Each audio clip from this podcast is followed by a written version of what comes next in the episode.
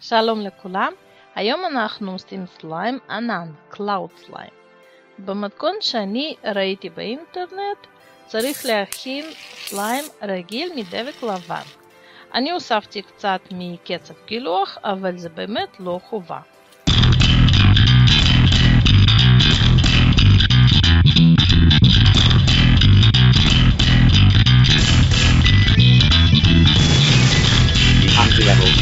would be outdated, of course, before anyone started.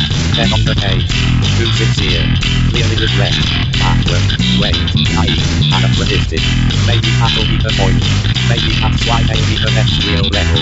Real level, as far as I can see, with disapproval. בוקר טוב, צהריים טובים, אחר צהריים טובים, ערב טוב, לילה טוב ולפנות בוקר נהדר לכם. אתם מאזינים למשדר רשת, לי קוראים ארז, משדר רשת, פודקאסט בענייני השעה, שזה מה שמעניין אותי בשעה שבה אני מדבר. כותרת מהארץ, מקפטן אינטרנט, מהשני לשישי, 19, זאת אומרת ממש מלפני כמה ימים, סערה באוקיינוס הדיגיטלי. איך ענן בודד מרסק עסק שלם. אז תראו, כשאתם קוראים כותרת שמתחילה כסערה באוקיינוס הדיגיטלי, צאו מההנחה שלכותב אין מושג על מה הוא מדבר. באמת, כל ה... ברגע שאתה... מה זה סערה באוקיינוס הדיגיטלי? מה זה אוקיינוס הדיגיטלי? דיגיטלי אני יודע. מה זה האוקיינוס הדיגיטלי? האינטרנט? האם הוא אוקיינוס? ולמה הכוונה בסערה? צאו מההנחה שלכותב אין מושג על מה הוא מדבר. עכשיו, הכותב זה רן ברזיק, הוא בגדול יודע על מה הוא מדבר. ספציפית לצורך העניין, את הכותרת אני מניח כנתן העורך, שלא יודע על מה הוא מדבר. איך, אבל אז, אבל זה, בואו נשים שנייה בצד, איך ענן בודד מרסק עסק שלם. אז עוד פעם, מה זה ענן בודד? ואני תכף אגיע למה מדובר בכלל, על מה הסיפור ומה קרה, אבל אני אומר, רק מהכותרת אפשר להגיד, זה שומר נפשו ירחק. אני... יש הרבה כותרות, יש כותרות טובות ויש כותרות רעות. אני יוצא לי לראות הרבה כותרות כשאני מחפש נושאים ודברים. כותרת כזאת, עוד פעם, אתה מגיע, אני לא מדבר על כותרת אה, לצורך העניין ברמה של... אה, אה, שקוראים על משהו, ב, ב, אני יודע, הייתה תאונה, היה פיגוע, הייתה בחירות, אז דברים. בדרך כלל במקרים האלה הכותרות הן הרבה יותר יעילות, הן הרבה יותר מדויקות, הם בדרך כלל אומרים, אני יודע מה, יש ציטוט או משהו, ראש הממשלה בהודעה לעיתונות, לא נעשה כך וכך, זאת אומרת דברים יותר, זה ברגע שזה מגיע, כי בעניינים רציניים, כן, ברגע שזה חדשות ופוליטיקה וזה, אז הם לא מתבחבשים. ברגע שזה מגיע לאינטרנט, ולא משנה שפעם קפטן אינטרנט, באמת, פעם קפטן אינטרנט היה הורים ותומים של כל מי שעסק בטכנולוגיה, כי זה היה בערך, בערך המקום היחיד בעיתונות שידע על מה, על מה הוא מדבר. אז אתה מגיע היום לקפטן אינטרנט, אתה קורא את הכותרות שלהם ואתה אומר, אין לאף אחד מושג שם. וכותרת כמו סערה באוקיינוס הדיגיטלי, איך ענן בודק מרס, בודד מרסק עסק שלם, זו כותרת ש, שהיא לעזרה. הבן אדם צועק, אני לא יודע מה אני כותב. וחבל, כי לצורך העניין האדם עצמו יודע על מה הוא כותב, אבל תכף נדבר על uh, מה הוא כותב. למעשה, אני לא כל כך יודע מה הוא כותב, כי יש לי בערך uh, שורה ורבע, שורה וחצי, ומתחת לזה לקריאת הכתבה המלאה, שלפחות הם לא חסמו את uh, בגלל האדבלוקר. זה גם כן הישג uh, מעניין. אבל הרעיון הוא, ואז uh, נשאל מה זה חנן בודד, מה זה ענן, דבר, אני כבר שואל. בכלל אין, אין, אין דבר כזה ענן בודד, הרי כל הרעיון הוא שענן הוא לא בודד. ענן הוא יכול להתמזג, להתערבב, אבל לא משנה. בוא, טוב, בואו נגיע לפואנטה, ש... ואני מוכח, מכאן אני אמשיך. Uh, מפתחים ובעלי עסקים, אני ממשיך לקרוא מכותרת המשנה, uh, ברחבי העולם התרגלו כבר לרעיון ששירותי ענן הם עובדה מוגמרת. זה שוב, אני לא מבין את הנושא, כאילו, שירותי ענן הם אכן עובדה מוגמרת, מה הבעיה? אה, כנראה שהם מתכוונים למה שקוראים uh, solved problem, זאת אומרת, כל הבעיות נפתרו, אפשר לסמוך על זה בעיניים עצומות, אני, כי אני לא יודע מה זה הכוונה, באותה מידה אני יכול, זה שהאוטו גלידה עבר עכשיו ברחוב, כן, לא עכשיו, כי אני מקליט את זה בלילה, וגם, יום, וגם לא ביום שהאוטוגלידה עובר בו. בכלל, אני לא שמעתי אוטוגלידה אצלי ברחוב אי פעם, אבל יכול להיות שהוא כן מסתובב. ובכל, אני לא יודע בכלל אם יש בבית שמש אוטוגלידה. יכול להיות שלא הגיע לעיר הזאת, ההמצאה המדהימה. אבל לצורך העניין, אם אני שומע את האוטוגלידה עובר, ב- עוצר ליד הבית שלי, אז שירות האוטוגלידה ברגע זה הוא עובדה מוגמרת. אבל הוא ימשיך להיות עובדה מוגמרת גם כשהוא יתרחק לצלילי המוזיקה החמודה שלו. זאת אומרת, זה לא שהוא לא עובדה מוגמרת, למרות שאם אני אצא אחרי, רבע שעה אחרי שהוא נסע, אני לא אמצא אותו. אז אני לא יודע מה הם מדברים, כלומר, אני שוב יודע שהם לא יודעים על מה הם מדברים, אבל יותר חשוב לי להגיע לפואנטה. הפואנטה היא שכמו שכתוב בהארץ, מה שקרה השבוע לחברת רייזאפ הוכיח כי לצד הנוחות מונחות, לצד הנוחות מונחות אורבות גם לא מעט סכנות. אני, אני מתנצל שאני ככה זה, כי אני פשוט פתאום קולט שהמשפט הזה הוא חסר משמעות תחבירית בכלל. לצד הנוחות מונחות אורבות גם לא מעט סכנות. טוב, קיצור, הארץ יצא פיתה, אבל לא משנה. מה בדיוק קרה? אוקיי, מעשה שהיה כך היה. לפני, אה, שוב, ב-31 למאי, אדם בשם ניקולס, או ניקולה, כי הוא צרפתי, עכשיו אני רואה, זה כנראה ניקולה בובי, בובי, בווי, אני לא יודע, יצא בציוץ אה, צורם בטוויטר, אה, יהיה כמובן קישור. How DigitalOcean just killed our company RaiseUp.com, a long thread for a very sad story. DigitalOcean, ופה יש לומר אה, ככה לציין, אני לא אגיד גיל, אני, אוקיי, אני אגיד גילוי נאות, אבל זה לא גילוי נאות, מכיוון שעצם הגילוי הוא, אני לא, אני לא יכול להחליט אם הגילוי הוא נאות. כלומר, אה, אני יכול להגיד גילוי נאות, כך וכך וכך, יגידו לי, תשמע, זה אולי גילוי, אבל הוא לא נאות. כלומר, להגיד גילוי נאות זה כאילו שאני אומר, אני אחליט בשבילכם אם הגילוי הוא נאות או לא. אז אני רק אומר, גילוי, DigitalOcean היא החברה שאני, ארז, אה, מאחסן עליה את אה, משדר רשת ועוד הרבה דברים אחרים שלי. כלומר, גם ה... יש לי שרת אה, קבצים של Nextcloud שיושב שם, וגם ה notes של אה, משדר רשת מאוחסנים על ה Nextcloud הזה, ושרת המוזיקה שמדי פעם אני מציין שיש לי, אה, ש... אה, של אה, מוצר שנקרא Ampache, ששם יושבים כל האלבומים שאני רוכש, ואני רוכש די הרבה, במאות שקלים בשבוע, או לצערי הרב ולשמחתו של אה, מנהל הבנק שלי. אז uh, כל ה... ה... זה גם יושב, זאת אומרת, אני די uh, בזרועות דיג'יטל אושן, מסיבה אחת פשוטה, ותכף נגיע לזה, הם מאוד זולים. יחסית להרבה מוצרים אחרים, השירות שלהם הוא זול, הוא פשוט, הוא לא, uh, מיוח... הוא לא עושה הרבה בלאגנים, הוא לא זה, אבל יש סיבה לזה שהם מאוד זולים, ותכף נגיע לזה. ו... ולמי שמבין בטכנולוגיה, נגיד נורא פשוט, הם לא אמזון. תזכרו את זה, הם לא אמזון. לא במחיר ולא בשירות. בואו נמשיך. עכשיו, אני לא אקריא, כי זה... הכל באנגלית פה, נתרגם ככה בזריזות. אז אותו ניקולה בובה, בובה, אני לא יודע איך הוא אומר את שמו, זה בטח בובה, אה, טוען, יש, להם, יש לו חברה שנקראת Raisup, ואני הסתכלתי באתר שלהם, לא הבנתי כלום. זה ערימה של marketing speak שאין לה מושג וחצי מושג, אלא אם כן אתה כנראה... כלומר, כל הרעיון הוא שלא תבין כלום, אבל תהיה מספיק, זה מספיק יעניין אותך כדי שתלך ותעשה אצלם דמו, והדמו כבר הסיילס, אה, נציג המכירות שלהם כבר ידאג למכור לך את המוצר. ולתפור לך חבילה יפה, ולתפור אותך יחד עם החבילה הזאת. מה הם עושים? יש להם uh, מוצר, יש להם עסק, יש להם משהו שהם מוכרים, שיושב על Digital אה, Ocean. עכשיו, מה זאת אומרת יושב על Digital Ocean? Digital Ocean עושה מה שקוראים מחשוב ענן. למה הכוונה? וזה, למי שלא ככה מבין ב- ב- מהכותרת של הארץ, אז אני קצת אסביר. לצורך העניין, לכל אחד נגיד יש מחשב. אה, אם לא מחשב אישי, אז יש לו פלאפון, והטלפון שלו הוא כבר מחשב לכל דבר. אלא שהמחשב הזה מריץ, בדרך כלל לשימוש ביתי, המחשב הזה מריץ מערכת הפעלה אחת. כלומר, כל המחשב כולו מיועד למטרה אחת בלעדית, להריץ חלונות, או מק, או מה שלא, לינוקס אם אתם ממש בקטע. וזהו, זה מה שיש לך.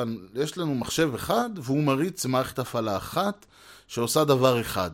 עכשיו נכון, היא עושה הרבה דברים על הדבר האחד הזה, כן, אה, בראוזר, לשמוע משדרשת, אה, לקרוא אה, איזה מסמך וורד, כל הדברים האלה, אבל זאת עדיין מערכת אחת שעושה דבר אחד. אפשר לקחת את אותה מערכת הפעלה ולהריץ עליה במה שקוראים סביבות וירטואליות, אפשר להריץ שם הרבה סביבות, ויש כל מיני דרכים לעשות את זה, ויש כל מיני טכנולוגיות. והרעיון הוא שבעצם אפשר לקחת את כוח המחשוב, כי הרי אם אני רוצה להריץ את משדר רשת, אני לא צריך את כל הכוח וכל היכולת שיש למחשב האישי שלי. הוא הרבה יותר חזק בשביל מה שאני עושה שם. כמה שזה נשמע מצחיק, אתה חושב שרת, אינטרנט וזה. ומריץ דברים, אבל כן, אבל הוא לא צריך את כל מה שיש לי על המחשב, כי התוכנות שהמחשב מריץ, Firefox, Chrome, Word, שלא לדבר על דברים, אה, מי שמריץ משחקים למיניהם וכזה. בכלל, כל העניין של המסך, כל העניין של הדיספליי, הרבה יותר בזבזני והרבה יותר יקר מבחינת משאבים ממה שאני צריך, למשל, לצורך הרצת משדרשת. ולכן, אפשר לקחת מחשב, אפילו באותו סדר גודל של מה שאתם מריצים בבית, הוא יותר חזק, למה לא? אבל לא לנצל את כולו למטרה אחת, אלא להתקין עליו בסביבות וירטואליות כמה וכמה וכמה וכמה שרתים וירטואליים. ואז בעצם על אותו מחשב אפשר להריץ חמישה, אולי אפילו עשרה, או, או... ועד שנגמר המקום על אותו מחשב, ואז אפשר להשתמש במחשב אחר. ובאותה מידה אפשר להקצות כוננים לא, לא, לאותה מערכת לפי הצורך. ובכך בעצם אותו מחשב הופך להיות לענן. פה גם בא הרעיון של ענן. עכשיו, בגדול הקונספט של הענן גם אומר שאפשר, וזה גם חשוב לצורך העניין, אותו רעיון של ענן גם אומר שאם לצורך הרעיון אה, אה, קרה נס ופתאום אלפי אנשים רוצים להיכנס למשדר רשת ולהוריד את המשדר החדש. עכשיו, יהיה דבילי אם אני אצטרך להחזיק, אתם יודעים, היום הייתי בחברת השכרת רכב.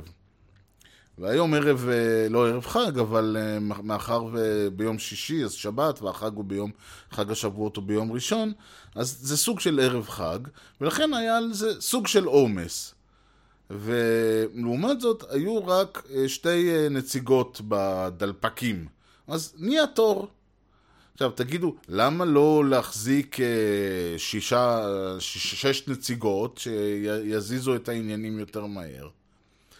נשאלת השאלה, אולי השתי נציגות זה כל מה שהעסק רוצה להחזיק, כי למה שהוא יצטרך לשלם לשש נציגות שביום יום הוא צריך היה להחזיק רק שתיים? אבל אם היה אפשר בעת הצורך להגדיל ככה יש מאין ליום אחד את כמות הנציגות, ושלא היו כזה אנשים שאספו מהרחוב, אלא היו מוכשרות ויודעות את התורה והכל, אגב, נציגות כי פשוט זה מה שהיה. אני לא אומר שגברים לא יכולים לעשות את העבודה, או שזו עבודה שמיועדת רק לנשים, פשוט זה מה שהיה להם שם. שתי בחורות בדלפקים ועוד אה, איזה חמישה חבר'ה למטה בחניון. ככה הם מחליטים, ככה הם מחלקים את הכוח אדם אצלהם, אני לא נכנס לזה. השאלה היא, למה שהם יצטרכו להחזיק שישה נציגים לצורך העניין, אם אף פעם אין להם צורך בשישה נציגים, אלא רק שניים. ובסדר, אז כשיבוא, כשיש לחץ, אז אנשים ימתינו בתור. זה קורה אחת לכמה שבועות, כמה חודשים, לא צריך לעבוד בשביל זה, כי אי אפשר להכשיר בן אדם ולהשתמש בו פעם בשבוע, פעם בחודש, פעם, ביו, פעם בשנה. מחשוב אפשר לעשות את זה, אין שום בעיה, ואז, ויש לזה חשיבות, כי אחד הדברים למשל שעושים, לצורך העניין, אמזון, אמזון, הענן שלהם הוא ענן קלאסי, ענן כמו שצריך להיות בגדול. אז אגב, שוב, זאת לא המצאה חדשה, פשוט הטכנולוגיה והיכולת של מכשירים הת, התקדמה, אה, שהיום זה משהו שאפשר לעשות אה, עובר לסוחר. ואמזון יכולים, אם לצורך העניין התעבורה על המחשב שלי גודלת פי 6 פתאום, או פי 10, אז הם יכולים להקצות לי פי עשר משאבים ומחשבים וחומרה ותוכנה וכל הדברים האלה, ולחייב אותי בהתאם כמובן, אבל כשהתעבורה נר... אה, אה, מפסיקה, אז הופ, אמזון הורגת את כל המחשבים האלה, ושלום ולהתראות. עכשיו, בשביל ה beautiful beautiful הזה, אמזון גם מחייבת בהתאם, זה עולה, השירות שלהם מאוד יקר יחסית. ולעומת זאת Digital Ocean לא נותנת את הדבר הזה. ל Digital Ocean אין את היכולות להתגמש ולהגדיל ולהקטין ולהרים ולהוריד. אלא Digital Ocean הם משתמשים, השירות שלהם בנוי על ענן, אבל הענן הוא שלהם, לא שלי. הם לא מוכרים לי שירותי ענן, הם מוכרים לי שירותי, מה שקוראים שירותי אחסון, שירותי hosting. עכשיו, פעם שירותי ה hosting היה באמת, היית קונה אה, מחשב, היה לך מחשב. היית קונה שרת, היה לך שרת. עכשיו, יכול להיות שהשרת היה וירטואלי, יכול להיות שהשרת היה, היה, זאת אומרת, כל המחשב היית משלם עליו. זה לא משנה, הרעיון הוא שהיום ל Digital Ocean, בגלל הטכנולוגיית הענן המפותחת, יש אפשרות להקצות לאנשים את, אה, אה, ה hosting הזה, את האחסון הזה, בהרבה פחות כסף ממה שפעם היה עולה, בגלל שהם יכולים להרשות לעצמם להרים ולהוריד מכונות וירטואלית כאוות נפשם. אבל מאחר ובפועל הביזנס שלהם הוא הביזנס מהסוג הכביכול הישן, רק בטכנולוגיה ובלבוש חדש, אז הם לא יכולים לה, לעשות את הסיטואציה הזאת שאם אני רוצה ביום מן הימים, ברגע מן הרגעים, להקפיץ את ה... פתאום, לה, לה, לא יודע מה, להביא עוד עשרה שרתים יש מאין, להריץ אותם ולהפיל אותם. הם לא מסוגלים לעשות את זה, ואם אני אעשה את זה, אז הם ישאלו את עצמם, מה בעצם קרה שפתאום הרווית את הבום הזה? מה עשית? וזה מה שקרה לאיש הנחמד הזה, אותו ניקולה בובלן. הוא אומר, יש לנו עסק, אנחנו מריצים חמישה שרתים לאתר שלנו ולאפליקציה שלנו וכל מיני כזה, ודאטאבייסים, ומשתמשים בשירותים שלהם פה ומשתמשים בשירותים שלהם שם. ונוסף לכל העניין, אחת לחודשיים שלושה אנחנו מריצים איזה סקריפט שעושה איזושהי פעולה על כל הדברים שלנו, והסקריפט הזה אנחנו מריצים כדי שירוץ מהר. אה, אנחנו מריצים אותו על... במקביל על הרבה מאוד שרתים, הוא אומר, הוא כותב פה בערך עשרה נגיד, אלא שההרצה הזאת נתפסה על ידי איזשהו בוט, איזשהו סקריפט, איזשהו משהו של Digital Oceans, והם אמרו, מה זה, מה, מה קורה שם? חשוד. והם באו וביטלו, חסמו באותו רגע את כל, ה... את כל החשבון הזה. צריך להבין, אם אה, אכן מדובר במישהו שעושה, וזה קטע מצחיק, שהוא כותב פה שאזהרת ספוילר זה לא משהו לא חוקי. או, או אנחנו לא עושים התקפה על מישהו, אנחנו לא עושים איזה ניסיון לתקוף, שר, לתקוף איזה משהו על זה, זה חוקי לחלוטין, זה בסדר, זה אנחנו, זה הביזנס שלנו. הוא אומר זה כאילו הם לא היו בסדר. השאלה היא, האם הם לא היו בסדר? אחד הדברים שכל מי שעובד עם, עם אה, עסקים בארצות הברית גילה להפתעתו אה, הרבה, זה שאין איתם חוכמות. אם עברת על משהו בתנאי השירות שלהם, הם יורידו לך את הגרזן על הראש בלי למצמץ פעמיים. יודעים, אנשים למשל שעובדים עם אמזון, קורה הרבה פעמים, אמ, לא רק אמזון אגב, אבל קורה הרבה פעמים, שאמזון, מסיבה כלשהי, מחליטה אה, להפסיק להתקשר, את ההתקשרות איתך, ובאותו רגע הם חוסמים לך את החשבון, וכל הכסף שלך שתקוע אצלהם, הלך. וזה בסדר, זה לא בסדר, אבל זה בסדר מבחינתם, כי זה, מש, זה החוזה. וזה ככה אצל כל החברות האמריקאיות, זה ככה אצל פייסבוק, ככה אצל אמזון, ככה אצל גוגל, ככה זה אצל כולם. כי האמריקאים אין להם חוכמות, מכיוון שאם הם יעשו משהו שיגרום להם להסתבך ואגב, לא, אמזון לא הולכת להסתבך בגלל הדברים האלה, אתה סתם הפרת את תנאי השימוש. אבל בגדול, הגישה הזאת באה מהעובדה שאם אותה אמזון תסתבך עם, עם הממשל הפדרלי או עם משהו כזה בגלל איזה מישהו שמנסה להריץ סקריפטים ולהפיל איזה דבר אחר, או Digital Ocean, הם יחטפו הרבה הרבה יותר ממה שאתה חוטף, ממה שאתה חטפת. ה-200-300 דולר האלה שאתה איבדת באותו רגע זה כלום ליד מה שהם יחטפו, אם הם יסתבכו עם הממשל, עם הרגולציה שיש עליהם, כמה שיש עליהם. אוקיי, פנינו, עכשיו תראו מה עוד הוא אומר פה, שלחנו הרבה אימיילים ודיאמים בטוויטר, שחררו לנו את החשבון, אה, כמובן שהכל, אה, הגיבור, כל מה שבמשך 12 שעות החשבון לא עבד, אז הם הפסידו הרבה כסף. ואמרו להם הכל בסדר, התחלנו את הכל מחדש, וארבע שעות אחרי זה החשבון ננעל שוב. זה נקודה שצריך לחשוב עליה, ותכף אני אגיע אליה.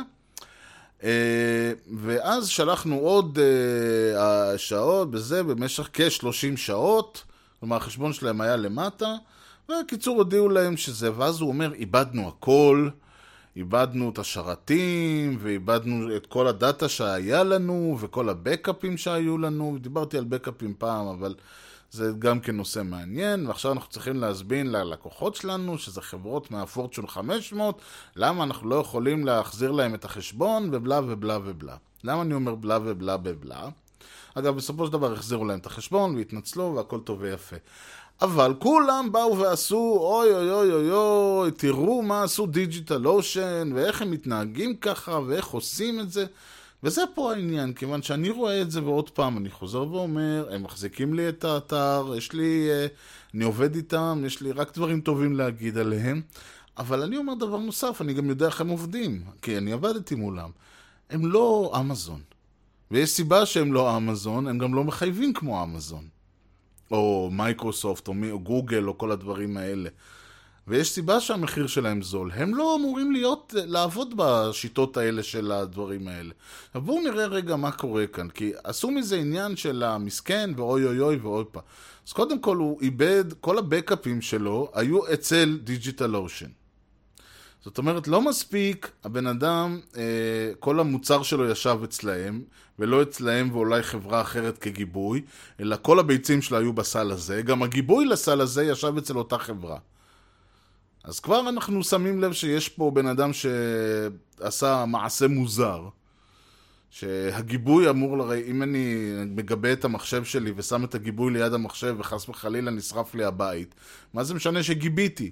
גיבוי צריך להיות במקום אחר, לא באותו מקום שהמחשב שלי נמצא. אותו דבר אה, זה שאתה עושה גיבוי זה נורא יפה, אבל הגיבוי לא יכול להיות לשבת על המחשב, אה, על אותה חברה אה, על אותו חשבון. אם קורה משהו לחשבון, גם הגיבוי הלך. טוב, זה דבר ראשון. דבר שני, כמו שאמרתי, הפעילות החשודה הזאת, אם כל כך, אם כל הביזנס שלך בנוי על הדברים האלה, למה אתה לא הולך ומוודא קודם שאין בעיה עם הפעילות הזאת? אולי הם יציעו לך פתרון, אולי הם ייתנו לך איזושהי דרך לעשות את זה, אולי הם יגידו לך, אל תעשה את זה, זה אסור. תלך תעשה את זה אצל מישהו אחר, לא אצלנו, זה גם בסדר. יש הרבה דברים, אבל הוא לא עשה את זה. עכשיו, הוא גם בוכה, אחד הדברים שהוא בוכה עליהם זה שחיכינו שעות, אחרי 12 שעות, אחרי 30 שעות, שלחנו אימיילים, שלחנו דיאמים בטוויטר. טוב, יש דבר שחברות אמריקאיות, או בכלל חברות טכנולוגיה, אוהבות מאוד למכור זה ספורט, זה תמיכה. הרבה חברות אגב של קוד פתוח, מזה הן מתקיימות, הן לא מתקיימות מזה שאנשים משלמים להם כסף, כי הקוד שלהם פתוח, למה שאני אשלם לך כסף שאני יכול להוריד אותו ולהתקין אותו אצלי בלי לשלם לך שקל? אז הם אומרים, אין שום בעיה, אבל אם אתה חברה שמשתמשת במוצר שלנו ואתה רוצה תמיכה, על זה אתה תשלם. וחברות, אין בעיה לחברות לשלם ולשלם סכומים יפים. למה הבן אדם הזה לא קנה חש... ואני מבטיח אגב שאם הוא אכן היה הולך ומשלם אה, אה, סכום כזה או אחר לאותם Digital Ocean וקונה את ה support, אני הסתכלתי בחשבונות שלהם. יש להם live support, יש להם 30 דקות מענה, יש להם טלפוניה, יש להם הרבה דברים שלא היו לו, כי הוא החליט לחסוך. ופה בדיוק העניין, כשאנחנו מסתכלים על, אה, וזה אגב, הארץ זה יש עוד, אה, אה, זה כי הם בעברית, ואולי יש מישהו שקורא אותם. כשאנחנו מסתכלים על משהו, אנחנו בדרך כלל, וזה נכון שכאילו בתיאוריה העיתונות או החדשות או מה שזה לא יהיה אמורים לתת לנו תמונה מקיפה. זה נכון שבתיאוריה ובקונספט כשאני פונה לעיתון כמו הארץ, וזה אגב, שוב, אני, אני לא, אין לי שום דבר אישי נגד הארץ, כלומר, יש לי הרבה דברים אישיים נגד הארץ, אבל לא במובן הזה, אני לא בא להגיד שהארץ הוא לא עיתון, עיתונאי, כן?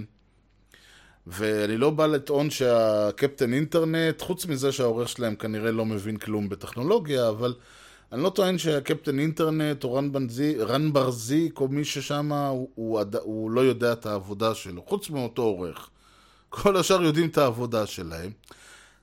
ובכל זאת, מה שהם מציגים זה תמונה במעמד צד אחד.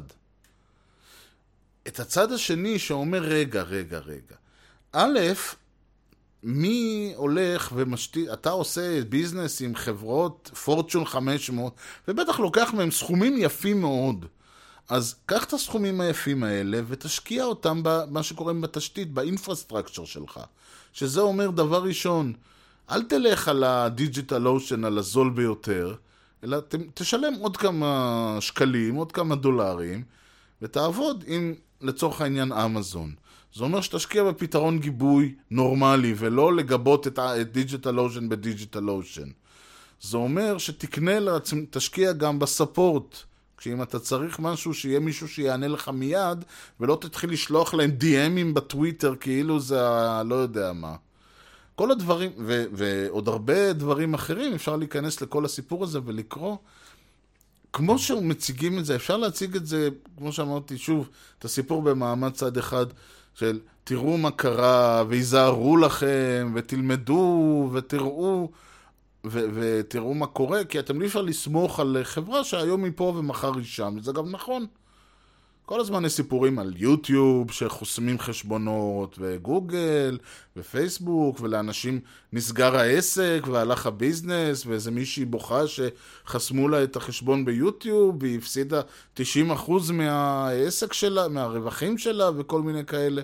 בסדר, עם, עם כל מה שיש לך בעולם, זה, תראו, אני עובד בעבודה שלי, אני לא, אני לא עובד בזה, אבל אה, ואם מחר יפטרו אותי מהעבודה הזאת, אז בסדר, אז אני צריך למצוא עבודה אחרת.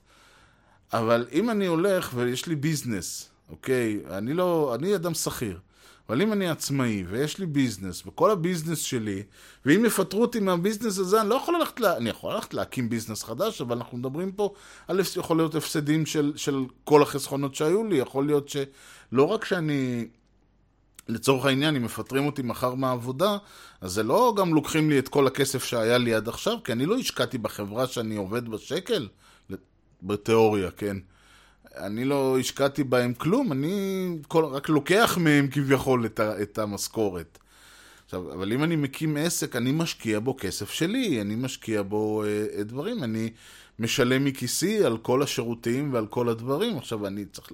אני לא יודע מה היה תזרים המזומנים שלהם, הוא אומר פה פורצ'ן 500, אז אתה יודע, אתה מצפה שה... שהיה לו כבר קצת כסף בכיס אם הוא הצליח להגיע לאנשים האלה, אבל לצורך העניין, אם זה מה שאתה, אם זה הביזנס שלך, אז תשקיע בו כמו שאתה רוצה, להש... כמו שצריך להשקיע. אם אני הולך לגור, לקנות בית, או לבנות בית לצורך העניין, אני לא אבנה אותו מקרטון ואביא שלושה אנשים מהרחוב, למרות שזה נורא זול.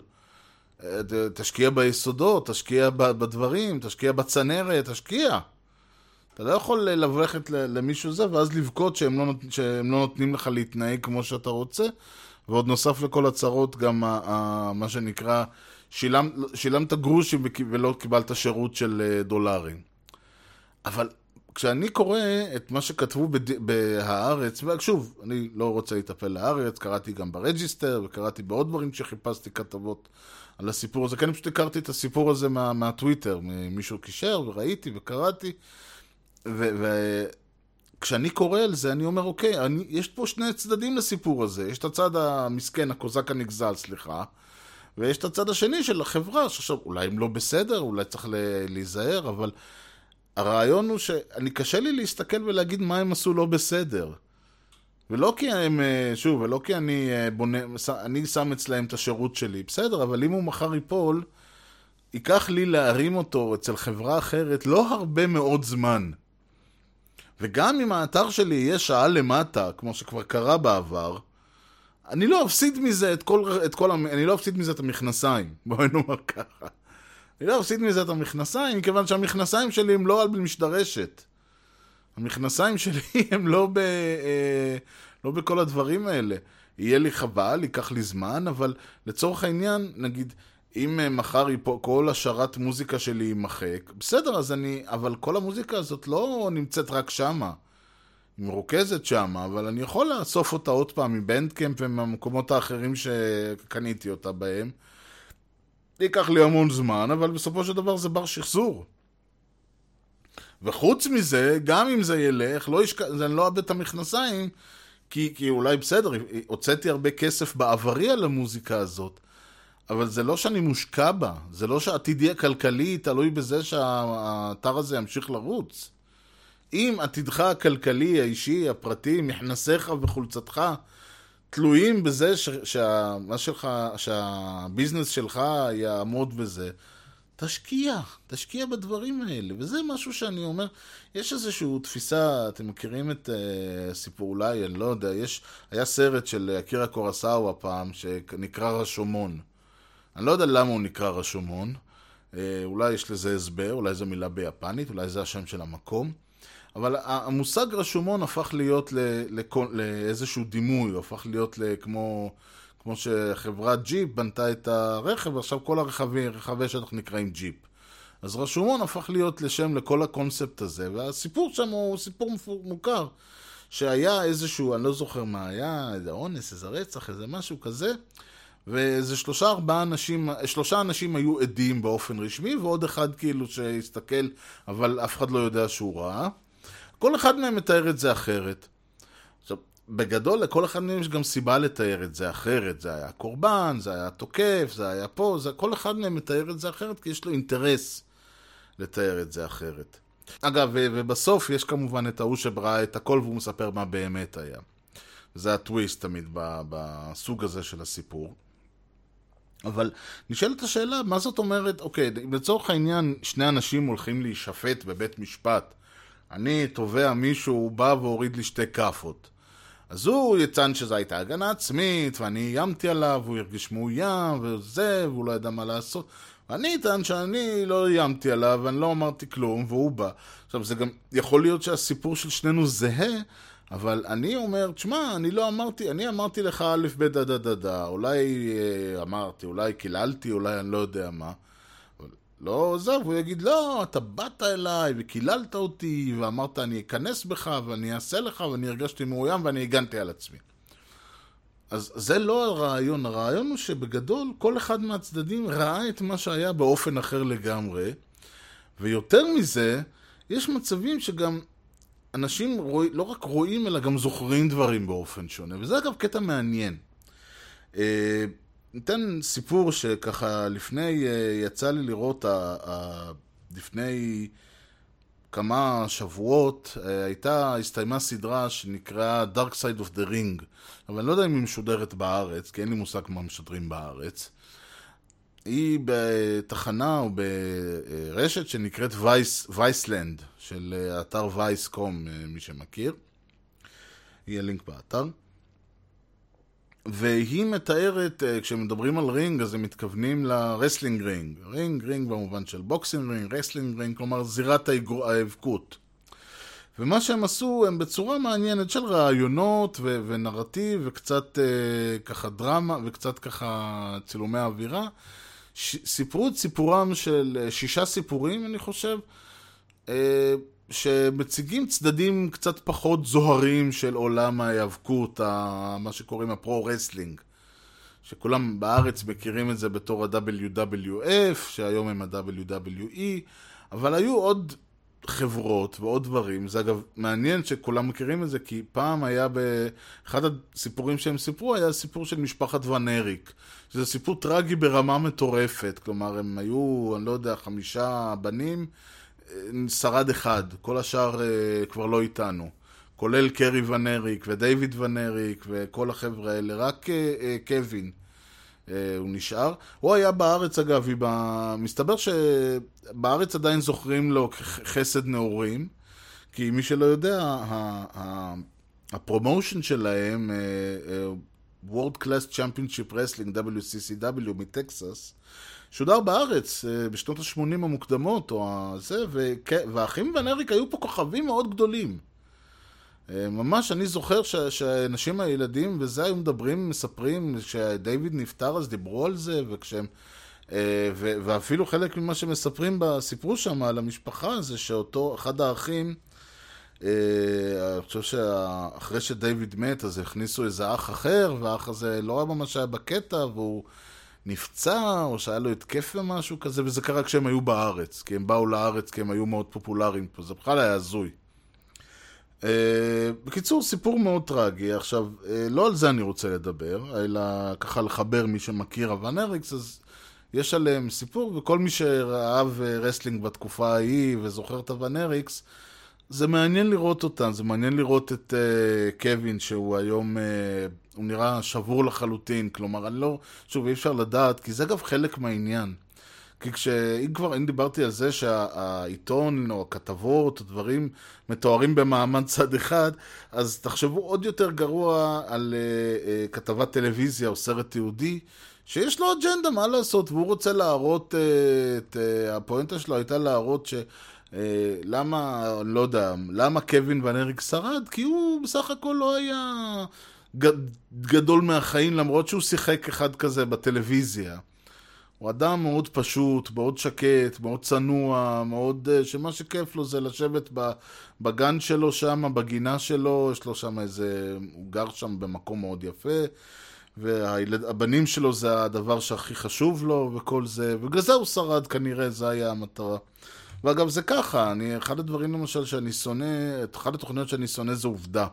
ואני יודע שאני אולי אחד היחידים בארץ, חוץ מאולי אה, פוליטיקאים ואנשי זה, ששונא אותם, אני שונא אותם כי אני פשוט לא יכול לראות אותם. אני אומר, גם אם זה הנושא, התחקיר הכי חשוב בעולם, הבימוי שלהם כל כך מגמתי ודמגוגי, ש, שזה פשוט כאילו, וזה בימוי, כלומר, הם ממש מביימים את הכתבות, יש להם אג'נדה, הם רוצים להראות שההוא וההוא אנשים רעים, אז הם יביימו ויציגו את הסיפור הזה שאתה תצא משם, במקום להראות, אתם יודעים, כי סך הכל יש הרבה אפור בחיים. אז לא, הם יראו את זה בכזה שחור ולבן שאני אצא משם עם uh, קלשונים. הם יראו את זה בכזה שחור ולבן, בהרגשה שהצופה אמור לעבור למחרת, וראית מה הם עושים, ושמעת מה הם עושים, אני לא מאמין, ודה דה דה. אז יש כמובן, אה, אה, לכל דבר יש בימוי מאוד מגמתי, ואף אה, אין דבר כזה אובייקטיביות וכל הדברים האלה, אבל לא על זה אני רוצה לדבר. אלא אותו, היה אחד הנושאים שסוקרו באותה Dark Side of the Ring, היה מה שכונה המונטריאול סקרוג'ה, ואני לא הולך להיכנס לזה, כי גם זה סיפ... סיפור, רק לספר אותו ייקח לי בערך את כל שאר המשדר, אבל בגדול, מי שלא יודע, או כלומר, קודם כל, אני מניח שבשלב הזה כבר כולם יודעים שהיאבקות אה, מוכרע, כלומר, היא נקבעת מראש. לא כל צעד וכל דבר וכל זה ידוע, אבל בגדול התוצאה קבועה מראש. באים ואומרים לה, זה, הוא מנצח, הוא יפסיד, גם בדרך כלל אומרים להם איך זה יקרה.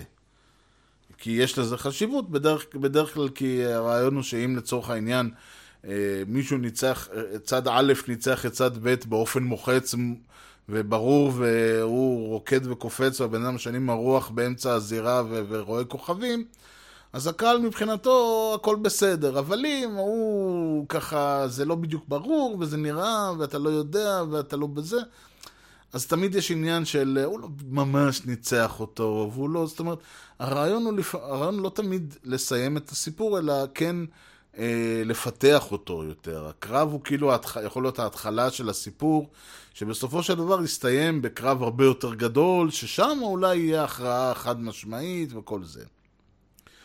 והסיפור הוא שלפני אי אלו שנים, ב-97, הכוכב הגדול, היו שני כוכבים גדולים ל-WWF המפורסמת, ושוב, מי שמכיר את הסיפור יודע על מה אני מדבר, מי שלא זה בסדר, לא יהיה מבחן אחר כך, אבל הפואנטה, הרעיון היה שהיה אדם בשם ברט הארט, שהוא היה האלוף אז, הוא אז החזיק את חגורת האליפות, והוא הייתה לו יריבות בחיים, וגם על גבי הבמה, ובאופן הזוי, למרות שתמיד יש את זה שכאילו, אוקיי, כשהם יורדים מהזירה הם חברים טובים, אז לא, היה לו יריבות גם בחיים עם אדם בשם שון מייקלס.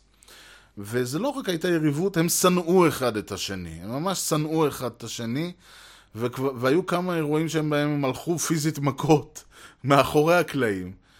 ותמיד אומרים, אם כבר אתם רוצים ללכת מכות, לפחות תעשו את זה מול הקהל, תיקחו על זה קצת כסף. אבל הם אה, כל כך שנאו את זה שהם היו מוכנים ללכת מכות בחינם.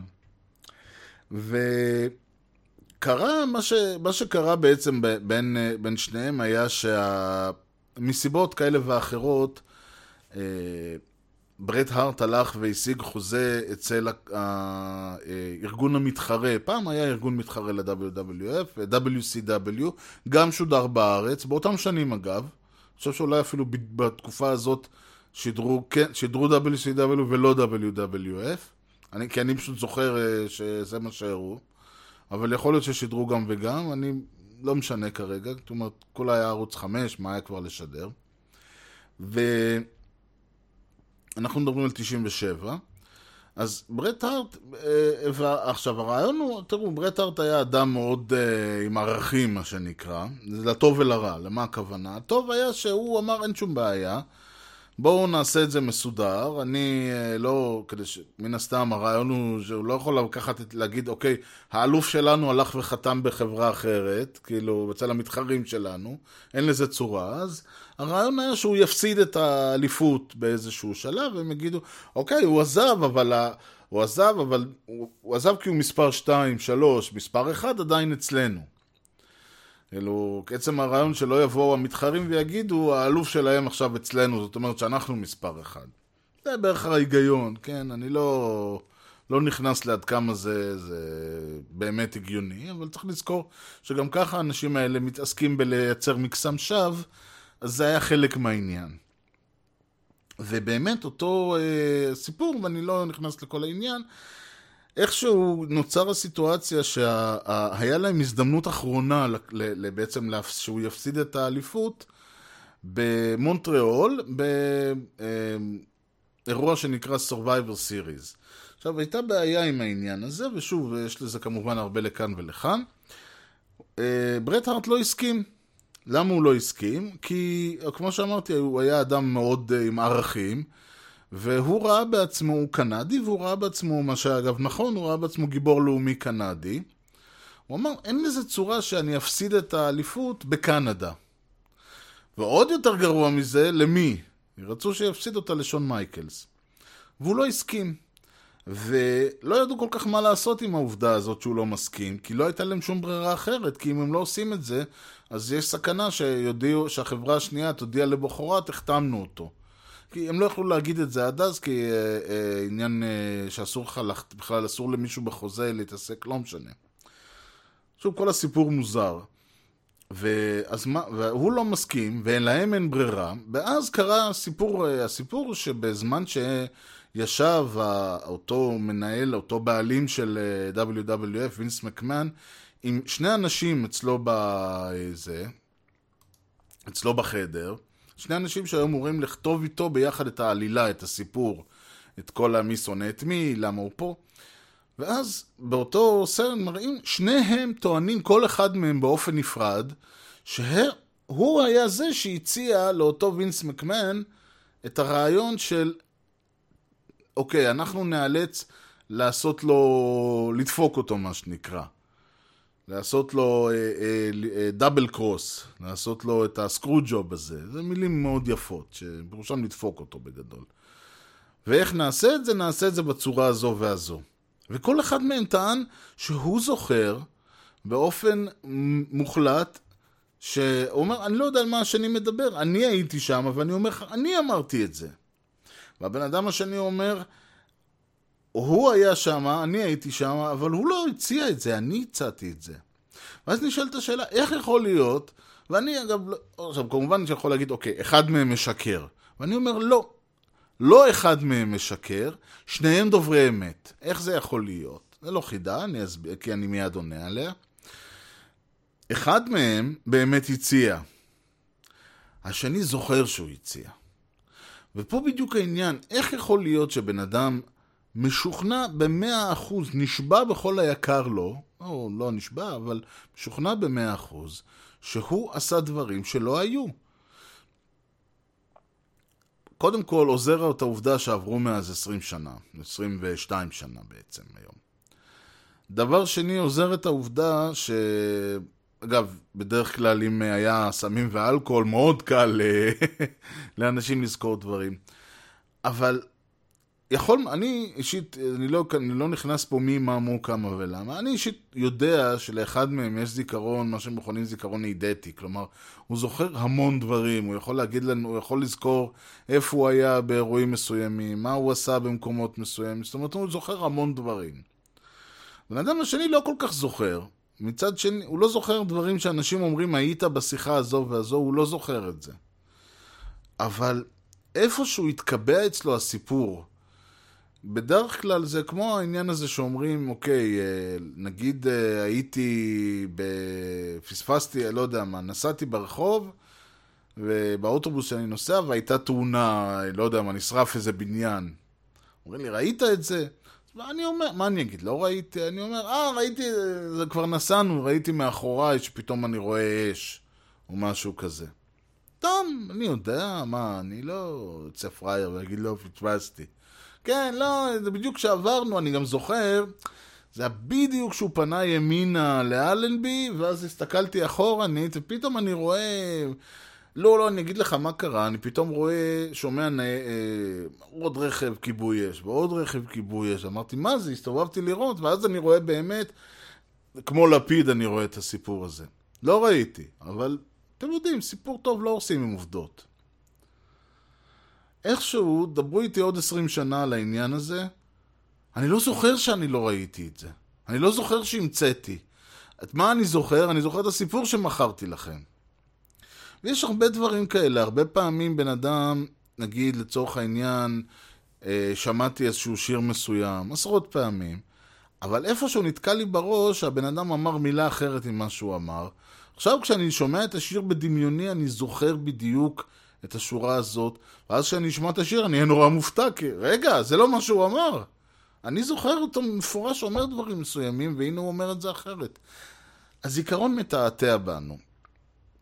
ויותר מזה, אחד הדברים למשל שאותי, שתמיד מדהימים זה למשל אה, מי שאוהב ספורט ונשאר קצת באווירה ספורטיבית אז יש את הקטע שנגיד רואים משהו בהילוך אה, רגיל, קורה איזה אירוע ואז מתחילים עם ההילוכים החוזרים.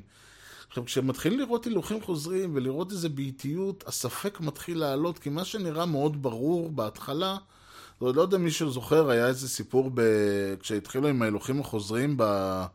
אה, במונדיאל האחרון אז תחנו אותם שוב ושוב ושוב, והבעיה היא שככל שאתה רואה את אותו אירוע עוד פעם ועוד פעם ועוד פעם ועוד פעם, מה שנראה מאוד מאוד ברור, מפסיק להיראות ברור. מה שנראה, גם אתם מרים, יש איזה קטע שהם מדברים נגיד, אני כבר יצא לי לשמוע בקרבות, באגרוף, ב-UFC, ב-MMA, הם אומרים, בהילוך חוזר איטי זה נראה הרבה פחות, אה, אתה פתאום, האגרוף הזה, הנוקאוט, אתה פתאום קולט שהוא לא נכנס במאה אחוז, ואתה אומר, איך הוא לעזאזל נפל? זה נראה כאילו הוא בכלל פספס אותו, ורק ככה עם ה... אתם יודעים, עם הקצה של האגרוף פגע בו, אז ממה הוא נפל, וכל הדברים האלה. ואז בדרך כלל יש את השדר שאומר, טוב, צריך לזכור שזה לא נראה, שזה נראה הרבה פחות אה, בהילוך החוזר. ויש גם עניין שכשחוזרים על משהו שוב ושוב ושוב, כמו שאמרתי, אם אני אחזור על הסיפור הזה, שהסתובבתי וראיתי את ה... זה עולה באש שוב ושוב ושוב ושוב, יש סיכוי טוב שהסיפור יתקבע אצלי, שאני אזכור את הסיפור. אז אותו דבר כשמראים הילוך חוזר שוב ושוב ושוב ושוב ושוב, האפקט שלו, שאני בעיניים שלי ראיתי את הבן אדם חוטף בוקס בפנים ומתמוטט, אבל כשמראים את זה שוב ושוב ושוב ושוב, האפקט מתחיל להתעמעם. ואני פחות ופחות רואה את מה שבאמת קרה, ויותר מתחיל לראות דברים שבעצם לא קורים. ולכן העניין הוא שלא רק בעצם כשיש איזושהי כתבה, לא רק שצריך להציג את שני הצדדים, אלא יותר מזה, צריך גם לדעת האם כל אחד מהצדדים האלה באמת אומר את מה שהיה. כלומר, האם זה העובדות? אולי בעצם אה, לא מספיק שלמשל עם אותו סיפור של Digital Ocean, ככל שאני אספר את הצד, אם אני עכשיו אלך ואדבר איתכם ואני יכול לטחון את העניין עוד שעות על שעות, בסופו של דבר אנשים יצאו בתפיסה, בן אדם יכול לצאת בתפיסה שלא רק שאותו ניקולס, ניקולה בורבואה או בובה, אני כבר לא יודע, הוא לא היה בסדר, אלא הוא בכלל אשם בכל התחלואים וכל הצרות ואיך הוא העז בכלל ללכת לטוויטר ואיך הוא העז ואיך הוא העז. בעוד שיכול מאוד להיות שבקריאה הראשונית ברור לחלוטין שהוא היה בסדר. עכשיו, אני ניסיתי מלכתחילה להציג את שני הצדדים כדי לא ליצור אה, תחושה שאני פה בעד אחד משני הצדדים, אבל בגדול, אי אפשר לבוא ולהציג שום נושא, וזה אחת הבעיות הגדולות בעולם העיתונאות בכלל, אי אפשר להציג שום נושא בצורה שהיא מקיפה, כי ברגע שאתה נותן מקום לשני הצדדים, אם אתה לא נותן מקום לשני הצדדים, בעיה. אם אתה נותן מקום לשני הצדדים, האם כל אחד מהם מביע עובדות? האם, אחד, האם יכול להיות ששניהם זוכרים את אותו דבר? ויכול להיות שאף אחד מהם לא משקר לצורך העניין. כי באמת שניהם זוכרים מה היה. זה שאחד מהם זוכר משהו שבאמת היה והשני זוכר סיפור שאיכשהו התרקם עם השנים בזיכרונו והוא משוכנע שזה היה, אבל זה לא היה. ויכול גם להיות שבאותו, כמו אותו הילוך חוזר שחוזר וחוזר וחוזר, מה שקרה, אף אחד כבר לא בטוח במה שקרה, כולל האנשים שהיו שם, כי ראינו את זה כל כך הרבה פעמים, שהמציאות כבר לא רלוונטית, ומה שהעובדות כבר לא רלוונטיות, כמו הזיכרון של, שלנו, שהוא בהחלט יכול מאוד להיות אה, אמי, זיכרון אמיתי, ויכול להיות שהוא כבר זיכרון של זיכרון של זיכרון, הוא בעצם סיפור שמעולם לא היה ומעולם לא יכול לקרות. וזה משהו שאני בהחלט חושב שצריך לשים עליו את הדעת כשקוראים כתבות בעיתונות, כשקוראים סיפורים, כששומעים דברים, גם אם המדובר בעדות של מישהו שהיה במקום. גם אם הוא מוכן להישבע ולהיחקר במכונת אמת, עדיין אי אפשר לדעת מה באמת היה, מה העובדות, אלא אם כן היית בשטח, וגם זה לא תמיד יעזור, כי 20 שנה אחרי זה, מי זוכ... לך תזכור מה אתה כבר זוכר. Ladies and gentlemen, I'd like to present to you the internet. טוב, ובאווירה פילוסופית זו זמננו תם, ועל כן נסיים. אבל בעצם זמננו אף פעם לא תם, והדיון יכול להמשיך באימייל או בכל צורה אחרת, וכמובן שאם יש למי מי מהמאזינים רעיונות, רע, אה, הצעות, שאלות, קושיות, טבעות דעה או כל דבר אחר, אז כמו שאמרתי באימייל אני אשמח מאוד uh, להמשיך את הדיון הזה, האימייל שלי הוא ארז, E-R-E-Z, שטרודל משדרשת.co.il, משדרשת כותבים כמו ששומעים. משדר רשת.co.il זה גם האתר, אפשר למצוא שם את כל משדרי העבר, לינקים לכל הסיפורים שסיפרתי, ומראה מקום, ורעיונות, ותיקונים והשלמות, וכל הדברים האלה. אפשר להירשם שם, אפשר כמובן להאזין למשדר באתר עצמו, או להוריד אותו למחשב, או לטלפון, או לכל מה שיש לכם. או להירשם למשדר אפשר דרך ה-RSS, אם יש לכם podcatcher ואתם יודעים אה, להשתמש בו, ואם לא, אז בהחלט אפשר למצוא את המשדר רשת גם ב iTunes וביוטיוב וב Stitcher וב RadioPublic וב Spotify ואת כל הלינקים לכל, לכל איפה שאפשר למצוא את משדר רשת בתחתית האתר. ואם מישהו בהחלט רוצה להמשיך את הדיון, אבל הוא לא בקטע של, לא פייס, אה, לא בקטע של אימייל, אלא בקטע של פייסבוק או טוויטר, אז אה, פייסבוק, אה, facebook.com/משדר רשת, טוויטר זה twitter.com/ארז. וזהו, עד כאן משדרשת להיום, אני מאוד רוצה להודות לכם על שהאזנתם, מקווה שנהנתם, ואנחנו אשמח להיפגש איתכם גם במשדרשת הבא, ועד אז אני הייתי ארז, ושיהיה לכם המשך יום נהדר, ולהתראות.